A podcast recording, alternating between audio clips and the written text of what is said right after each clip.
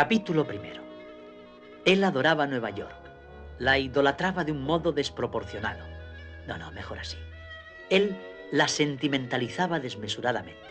Eso es. Para él, sin importar la época del año, aquella seguía siendo una ciudad en blanco y negro que latía a los acordes de las melodías de George Gershwin.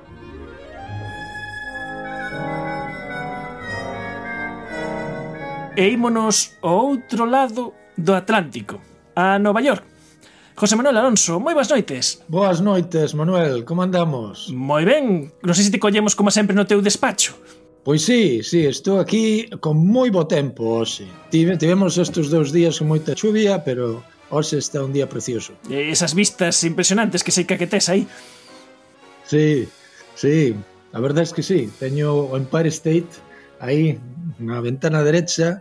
E nesta ventana, se vas podes ver ata o río Hudson. José Manuel Alonso é investigador no Departamento de Ciencias Visuais e Biolóxicas do Colexio de Optometría SUNY na Universidade Estatal de Nova York El é neurocientífico especializado en mecanismos da visión e a última vez que falamos, José Manuel, falábamos de que non era mesmo ver branco sobre negro que negro sobre branco. Pois sí, e esta historia pois seguimos no mismo. Sabes como é a ciencia? Traballamos en, unha, en un campo moi, moi estreito e seguimos sacando fío da, da mesma historia. Porque vides desde publicar nunhas das revistas eh, grandes do grupo Nature, Nature Communications, un artigo científico no que falades de como son os mapas visuais no cerebro. Exactamente, temos mapas para prácticamente todo. Temos mapas visuales, pois para entender a imaxen que estás vendo ahora, eh, toda a información que ven desa imaxen, teremos mapas espaciales,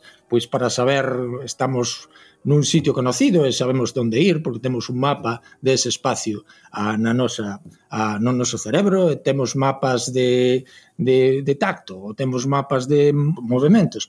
E o mapa que estamos estudando é un mapa moi específico na corteza visual primaria, so, é a primeira parte do cerebro que recibe información dentro da corteza cerebral dende o ollo.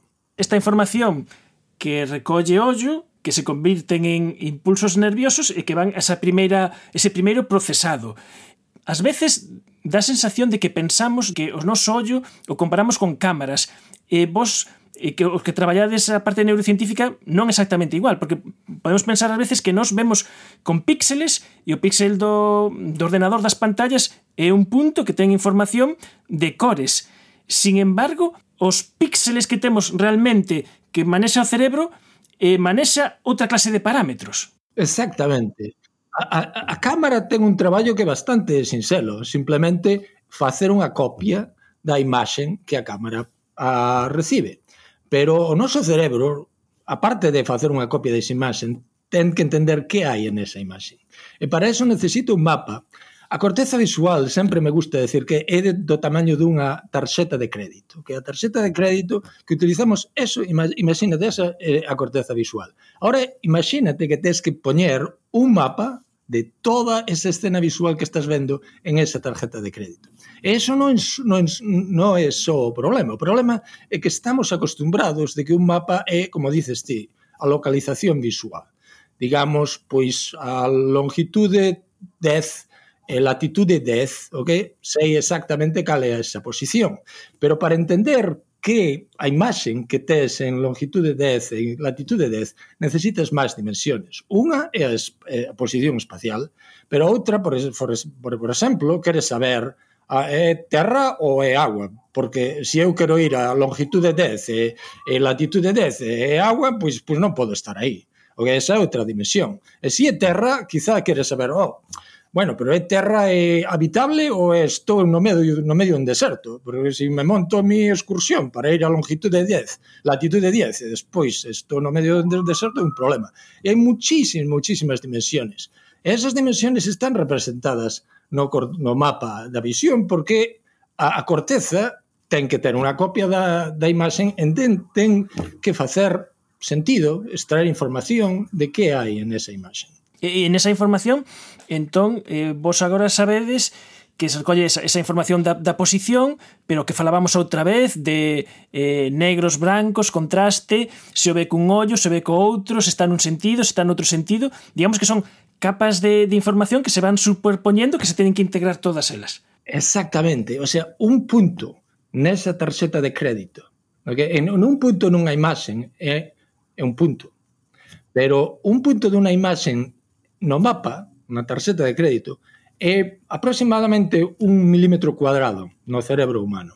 Por qué? Porque para ese punto tens que ter un montón de cousas. A posición, pero despois é blanco ou é negro. Eh, entra polo ollo izquierdo ou entra polo ollo dereito. E aparte, hai outras cousas, eh, a, de, a orientación, por exemplo, é vertical, é horizontal, anchura. Se estás pensando, por exemplo, nunha letra I, tens que saber é ancha, é, é, é, é estreita, é a posición, o ollo que entra, é, é, é, bla, é negra, que es, generalmente todos lemos en, en fondo blanco, pero si, si é no fondo diferente tamén tens que procesar. O sea que a idea é que para cada punto da escena tens que representar un montón de espacio en esa corteza visual. Entonces, ah, como representas toda a escena? E eso ha sido un problema de moitos, moitos anos, como pos todas esas cosas xuntas. Eh, creemos que resolvemos ese problema, e esa é la, a teoría que traemos, de como a FAS, como resolves o problema de tener toda esa información da imaxe um, e, e, para, para cada punto. E, e en parte da, da, desa teoría que vos poñedes en riba da mesa nesta publicación científica eh, ten que ver que non todos os animais vemos igual eh, non todos temos esa capacidade de procesamento eh, de diferentes capas, diferentes informacións e que sabedes que según cada animal, cada especie, pois eh, ten diferentes formas de ollar. Exactamente, so, so a idea, a idea principal é que para cada punto da escena, o que, o que determina realmente a potencia e o tamaño do cerebro, eh, cantas neuronas podo, eh, ten, podo dedicar a, a un punto. Okay? E se si, si eres un humán, maybe centos, Okay? Entón, pois, oh, bueno, con centos podo hacer un montón de cosas. Podo decirche a posición, a, podo decirche blanco-negro, podo decirche se vertical, inclinada, maybe con, incluso con, con unha precisión tremenda de, de, de, de moi poucos grados. Podo decir un montón de cosas. Ahora, un ratón ten só un, un milímetro ah, a 2 milímetros cuadrados, digamos, de corteza visual. 2 milímetros cuadrados, uf, ah, eso non é moito. E por encima, o ratón ten os ollos no, nos lados, non en frente, como nós. O sea que ten que representar prácticamente unha esfera de todo o, o campo visual. Nós non podemos ver o que temos detrás da cabeza, pero o ratón sí, porque para o ratón o máis importante é posición hey, se hai algo que ven dende atrás a moita velocidade, me dá igual que sea vertical, horizontal, quero saber de onde ven porque eu me, me escapo para outro lado. En, en, entón, a posición dedican moito a ver you know, a, a detectar posicións ao rededor, si podo, 360 grados ao rededor da miña cabeza. Para nós, o centro do campo visual que utilizo para uh, para reconocer caras, para ler, para conducir. A eso lle vou a dedicar un montón de espacio de forma que eu poda extraer un montón de información deso. Sempre hai unha cousa que me encanta decir, é que e o ollo, o ollo humano e de moutros outros mamíferos carnívoros, primates, eh, ten unha fobia. A fobia é unha zona do ollo que ten unha, unha resolución enorme. E o resto de ollo pois, eh, é casi como un ratón, é realmente como un ratón. Pero ese centro, eso é un, un cuadrado, un milímetro cuadrado de ollo, que é a fobia, eso se o perdes, é probablemente o milímetro cuadrado máis importante de todo de todo o corpo, porque se o perdes, eres cego. Non podes ver caras, non podes ler, non podes conducir. E isto ten eh, importancia porque este é un problema que si se resolveu para o caso auditivo e temos os implantes eh, cocleares que a xente que os leva somos biónicos igual que os que levamos gafas eh, somos eh, mitad home, mitad máquina. Digamos que cambiamos o receptor e eh, poñemos eh, o que serían neste caso eh, orellas sintéticas micrófonos que logo traducimos en sinais que o cerebro pode interpretar pero isto en visión polo de agora mm, coito que hai experiencias moi moi pequeniñas de, de ver eh, pues formas moi pouquiño, pero esta clase de coñecemento, esta clase de teorías son moi importantes para no futuro para poder conseguir eh, prótesis visuais que sexan operativas. Exactamente, exactamente. É como todo, no? o sea, a cirugía non existiría se non tuviéramos mapas anatómicos ah, de, de diferentes partes do corpo a, e, e co cerebro, o co, cos mapas visuales, igual. En, na cóclea, o que estabas falando de prótesis para, para, para que podas escoitar, pois temos a sorte de que utilizamos moi pocas neuronas e con esas pocas neuronas pode recoñecer voz perfectamente. Só con un par de decenas de electrodos, eso ha sido un, unos dos Ah, unha das cousas máis increíbles en prótesis cerebrales. Eh? Simplemente un par de decenas e, e, e podes dar audición a un, a un, a un sordo e, e, e adquirir lenguaxe, a mí eso foi, foi, foi tremendo. En visión va a ser máis complicado, en primeiro porque tes esos mapas que son realmente complicados, pero que agora empezamos a entender mellor. Pero o tamén porque necesitas moitos electrodos, moitos electrodos porque temos unha resolución a visual impresionante. So aí hai, yo non, so, so, Elon Musk está poñendo moitos moitos cartos en esta historia. Eh, e por polo menos unha das dos problemas técnicos máis difíciles que a interfase entre o electrodo e, e o cerebro, a por lo menos vai haber avances en eso. Ahora, si consigues tener unha prótesis, necesitas, vas a necesitar un mapa para saber exactamente que decirlle a cada electrodo, dependendo de en que zona do mapa está localizado. E de aí a importancia de traballos como este, como voso, que, que dan un marco conceptual para entender como funciona todo isto. Exactamente. E o importante é que a teoría explica que todas estas capas que estamos falando, as dimensiones, ten su mapa de posición espacial, ten su mapa dos ollos, do como os ollos están copias, digamos, unha copia do mapa espacial para cada ollo. Ben, tes copias do mapa espacial para blanco e para negro. E tes copias do mapa espacial para cada orientación que cae nun punto. En todos esos mapas um, están superpuestos.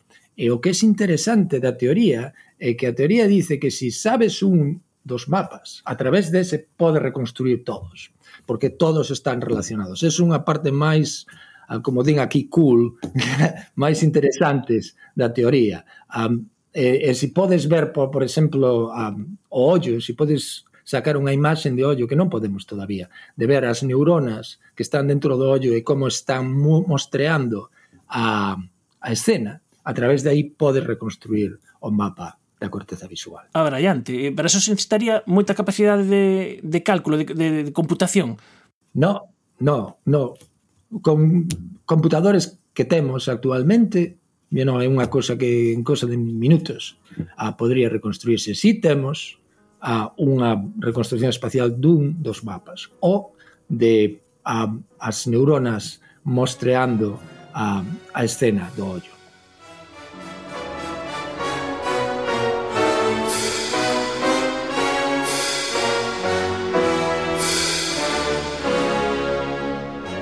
E aínda hai preguntas abertas que temos que responder para saber que está a ocorrer cando ollamos para unha cousa. Como non só mm, como funciona a, a cámara, senón a parte verdadeiramente importante que nos damos conta de como é ese cableado e como fai o noso cerebro nesa tarxeta de crédito para compoñer eses mapas superpostos, mapas de capas de cebola superpostos que nos dan a imaxe que estamos a ver eh, conversamos con José Manuel Alonso, que está en Nova York, e ademais con un fermoso acento galego, inglés americano, todo mesturado, que, que, que bueno, que dan boa fe de onde estás en que traballas.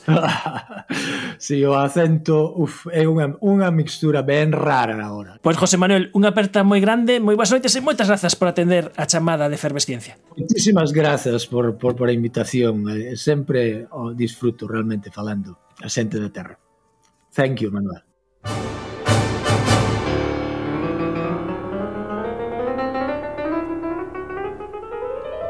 Efervesciencia. Patrocinado pola FECIT, Fundación Española para a Ciencia e a Tecnoloxía, Ministerio de Ciencia e Innovación, unha colaboración da Universidade de Santiago e a Radio Galega. Co apoio da Axencia Galega de Innovación da Xunta de Galicia. E non temos tempo para máis. O vindeiro mércores non haberá misión de efervesciencia, pero, ollo, atención, que este Nadal ha de ser moi efervescente, porque emitiremos programas especiais de efervesciencia ás fins de semana do 24 e do 31. E se queres participar como público na grabación do programa especial de fin de ano de efervesciencia, que é un dos programas máis apoteósicos que temos en todo ano con música, cancións, risas e moita ciencia, estate moi atento ás nosas redes sociais. Adeus. thank you